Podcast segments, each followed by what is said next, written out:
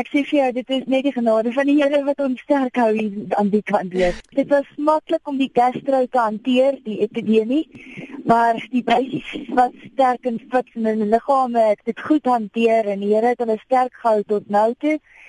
Ons moes nou net as gevolg van 'n uh, tydsbeperking om nou aan die toe en terug te kan kom, moes ons die stadiger meisies uitsny en die wat 'n bietjie van 'n terugslag het met hulle liggame wat nog bietjie belt of diarree het, skielik gedihidreerd raak gister.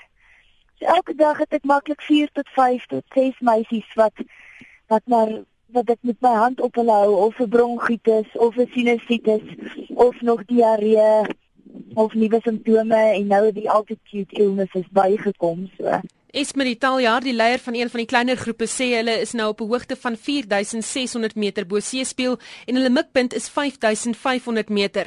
Sy sê verder dat hulle teen môreoggend hulle eindbestemming eh, Kalapatar Peak sal bereik. Taljaar sê die oorblywende spanlede wat klim byt vas want hulle wil die veldtog teen mensenhandel en slawerny end uitsien van Suid-Afrika 'n maklike deurgangsroete vir die tipe misdryf. En veral in Suid-Afrika ook, ja, dit is onder ons neus sonder dat ons dit weet. Ek weet binne in Suid-Afrika word meisies meer van die platte land af gelok na die stede toe. Ja, so gewoonlik is dit maar vir prostitusie in Suid-Afrika.